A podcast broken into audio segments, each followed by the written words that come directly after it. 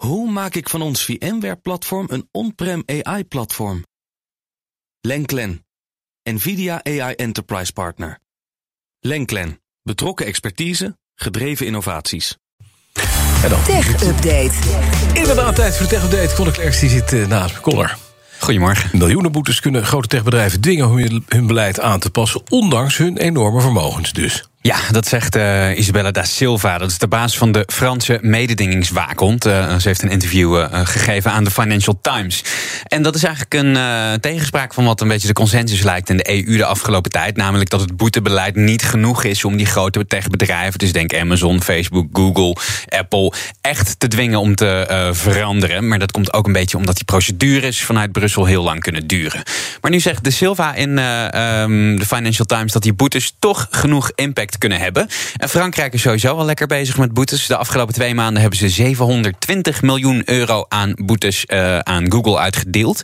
Eentje voor uh, machtsmisbruik bij advertentietechnologie. En eentje omdat ze niet eerlijk onderhandelen met uitgevers over betalen voor nieuws. Hmm, en in Frankrijk werkt dat misschien vanuit Brussel duurt het allemaal heel erg lang, hè? Weet ja, ja, Google heeft nog uh, drie boetes openstaan van de Europese Commissie. Het gaat om miljarden. Eén boete van uit mijn hoofd 3,4 miljard zelfs. In alle, in alle zaken gaan ze in beroep. En hier heeft uh, die Franse mevrouw wel een punt over uh, de boetes. Want Frankrijk krijgt het als enige voor elkaar dat Google een uh, boete betaald heeft zonder um, in hoger beroep daartegen te gaan. Zonder daar bezwaar tegen aan te tekenen. Ja. Ondertussen aan de, op de achtergrond werkt het Europese parlement wel aan strengere wetgeving voor de grote techbedrijven. Oké, okay. dan looft Twitter een prijs uit. Och, wat fijn. Ja, schrijft de tweakers over vanmorgen. Op het grote hackers-event DEFCON kunnen bezoekers een prijs winnen als zij voor vooroordelen in een algoritme van Twitter kunnen vinden.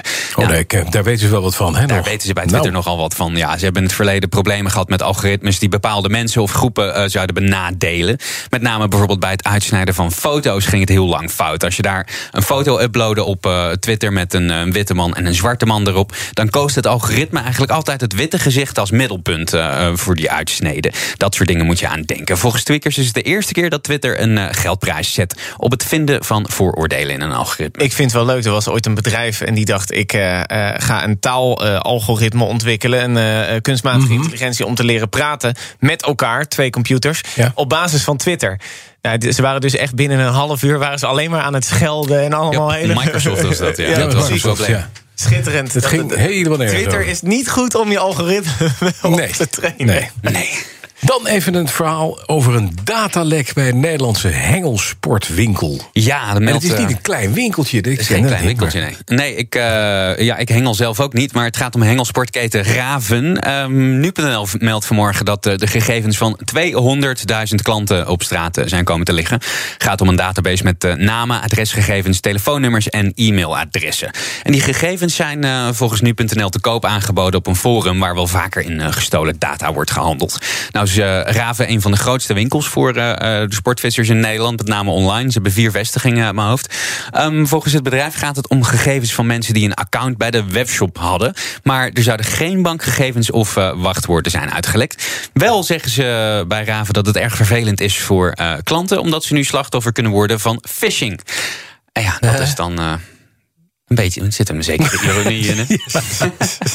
Sorry, Hengelsport. Ja. Ik heb hem. Dankjewel, Conor Klerks. De BNR Tech Update wordt mede mogelijk gemaakt door Lenk. Hoe maak ik van ons VMware-platform een on-prem AI-platform? Lenklen, NVIDIA AI Enterprise Partner.